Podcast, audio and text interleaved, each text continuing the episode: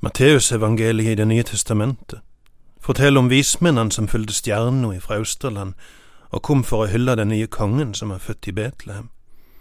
I går så vi nærmere på disse vismennene, men i dag tenkte jeg vi kunne prøve å bli bedre kjent med jødekongen Herodes, som vismennene fikk audiens hos i Jerusalem. La oss lese hva Matteus forteller om dette møtet og denne mannen. Vi leser Matteus 2 vers 1 og utover. Da Jesus var født i Betlehem i Judea, i kong Herodes' dager, kom det nokre vismenn fra Austerland til Jerusalem og spurte, Hva er den jødekongen som nå er født? Vi så stjerna hans gå opp, og nå er vi kommet og vil hylle han. Da kong Herodes fikk høre det, vart han svært urolig, og heile Jerusalem med han.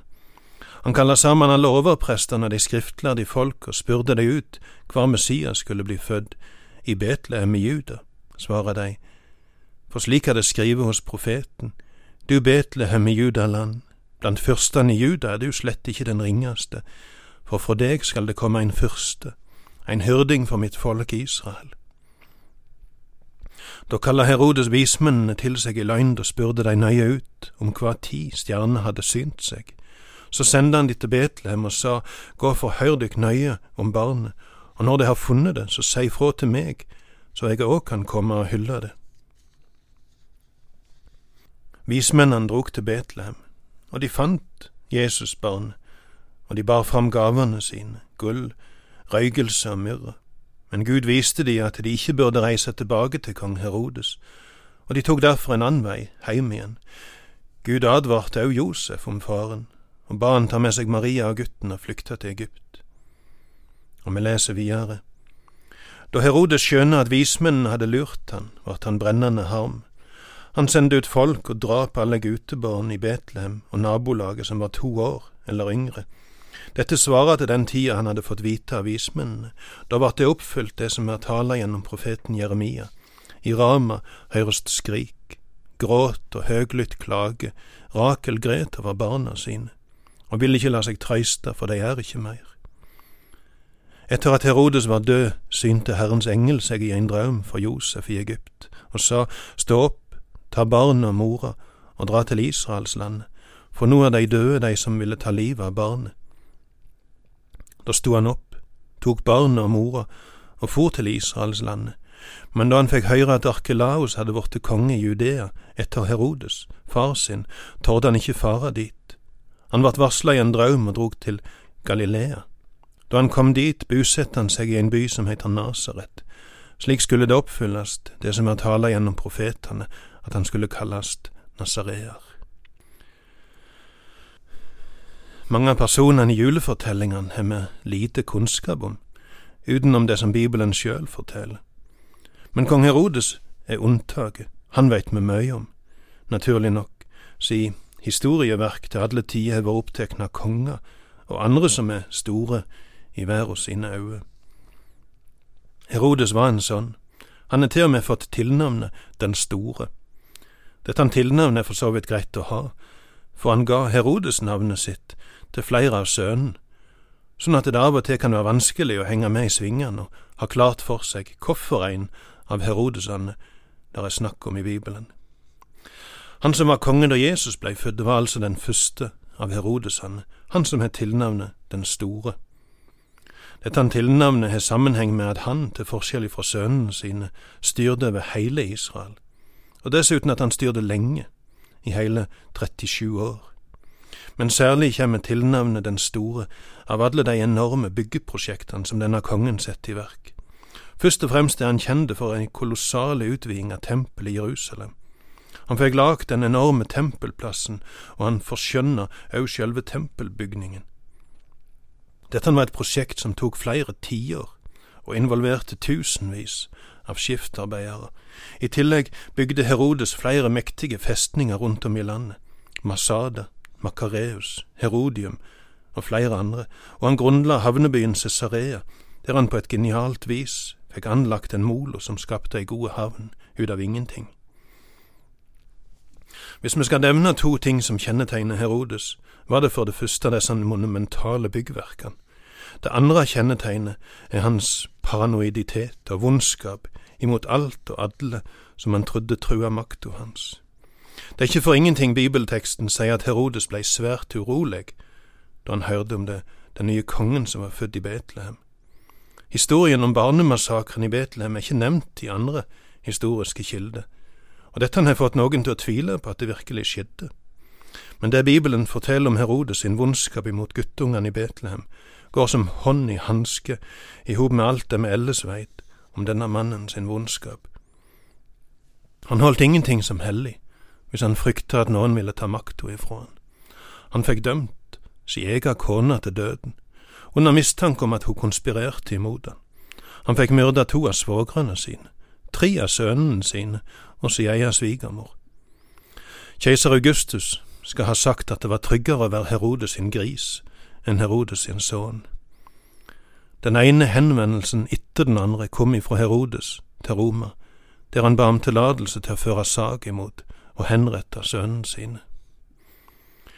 Da Herodes lå på det siste, sytte han for å tilkalle de jødiske lederne, arrestere de, internere de i Jeriko, med beskjed om at de alle i hop skulle drepes når nyheten kom om at han sjøl var død. På den måten ville han sikre at hans eget dødsfall skulle skape den rettmessige sorgstemningen i landet. Byggeprosjektene han iverksatte, henger nøye i hop med denne frykten for å bli avsett. De uinntagelige festningene rundt om i landet var tilfluktsplasser som han sjøl kunne ryme til hvis det skulle bli nødvendig. Og tempelprosjektet blei nok igangsett for å vinne godvilje fra jødene.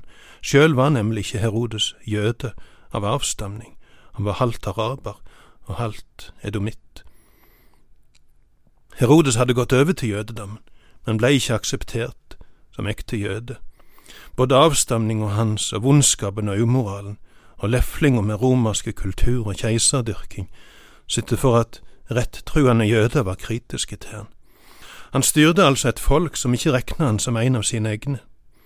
Han var kronisk mistenksom imot alt og alle, og henretta mange av de menneskene som sto han nærmest. Og som om det ikke var nok at han tvilte på folket og på sin egen familie sin lojalitet, så måtte han til hver tid syde for å stå på god fot med den som hadde keisermakta i Roma. Hele hans voksne liv handla dermed om å kare seg opp til maktens tinde og med alle midler prøve å holde seg der. At en sånn en mann sender soldater til Betlehem og summarisk utrydder de to års gamle guttene der, er ikke så overraskende, egentlig. Historikerne nevner det ikke, men det kan ha med at det dreide seg om så få unger, maks ti, antagelig. At historikeren ikke syntes den opplysningen var viktige nok til å ta med. Gud advarte Josef om Herodes sin djevelske plan, og ba han ta med seg Maria og Jesusbarna og flykte til Egypt og seinere, når budet nådde de om at Herodes var død, vendte de hjem igjen. Det ser ut til at de i utgangspunktet planla å bosette seg i Betlehem, men ombestemte seg da de fant ut at Arkelaos, den verste av Herodes-sønnene, hadde blitt fjæringefyrste i dette området. Kong Herodes forventa ikke at de romerske myndighetene ville la noen av sønnene hans beholde den posisjonen som han sjøl hadde, som enehersker over Israel. Han hadde derfor delt riket i fire og ga tre av sønnene sine hver sin del, samt at søstera fikk styre et lite område.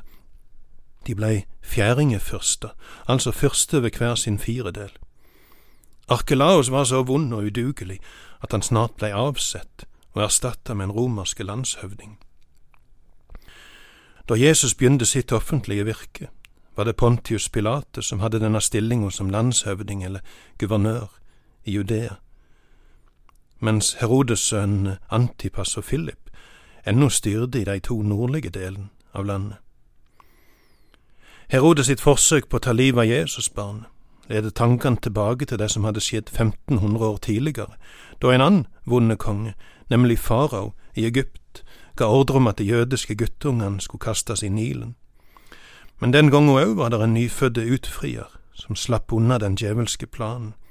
Moses ble gjemt av mor si, og seinere adoptert av farao si egen datter og vokste opp som prins i Egypt. I voksen alder ble Moses Guds redskap til å berge folket ut av farao sitt fangenskap. Samtidig leder Herodes sin vonde plan tankene framover til noe som står i den siste boka i Bibelen, Johannes' åpenbaring, der Johannes i et syn får se ei kvinne i barsel og en drage som vokter på henne for å ta barn ifra henne så snart det er født. Dragen er et bilde på djevelen, og viser at barnemordet i Betlehem handler om at Herodes går den vonde sitt ærend. Vi kan bli bestyrt av Herodes sin vondskap, men vi gjør kanskje lurt i å minne oss sjøl om at han virkelig hadde skjønt noe viktig. Han hadde nemlig skjønt at barnet i krybba er en konge, som utfordrer hans eiermakt.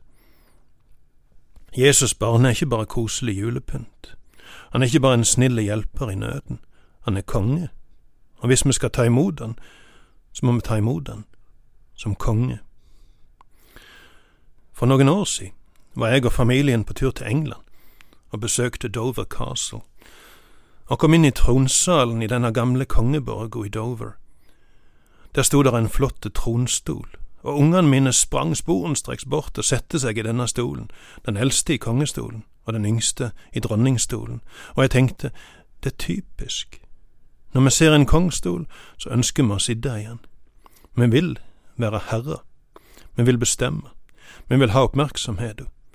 Den samme hangen til å bestemme som vi finner hos Herodes, har vi alle djupt der nede i hjertet, og så kommer budet om at Jesus er Herre. Hva gjør vi da? Herodes var slettes ikke villig til å abdisere. Derfor sendte han soldater for å drepe Jesus, og spørsmålet er hvordan det er med meg og deg. Er du villig til å abdisere og la Jesus være konge i ditt liv? Er det ikke litt påfallende at vi feirer jul? men vi har skyvd Jesus lengst mulig ut i periferien. Det er langt imellom butikkene der en finner kristen julepynt. Kristne julesanger må vike for bjelleklang og nissevise. Desember er tida for de årvisse oppropene imot skulegudstjeneste, og i avisene finner vi de like årvisse innleggene om at jula egentlig er ei førkristen feiring av at sola snur, for jula vil vi ha, det er bare Jesus vi vil til livs. Vi har kvitta oss med kongen, men vi har gjort det på en litt mer sofistikert måte enn å sende soldater for å drepe han. I plassen har vi skyvd han så langt ut i periferien som vi bare kan. Ut i periferien av livet noe. Ut i periferien av kulturen noe. Så langt ut har vi skyvd han at vi kan holde fram akkurat sånn som vi vil, uten å måtte forholde oss til han. Jeg håper du ikke likner Herodes han som tviholdt på makta si og statusen sin, og som kanskje gratulerte seg sjøl med at han hadde rydda den plagsomme Jesus av veien, trodde han. Det han ikke visste, var at denne Jesus var høgst levende, og at ettertida ville betrakte Herodes men tilnevne Den store som en tragiske skikkelse. La oss ikke være sånn som han.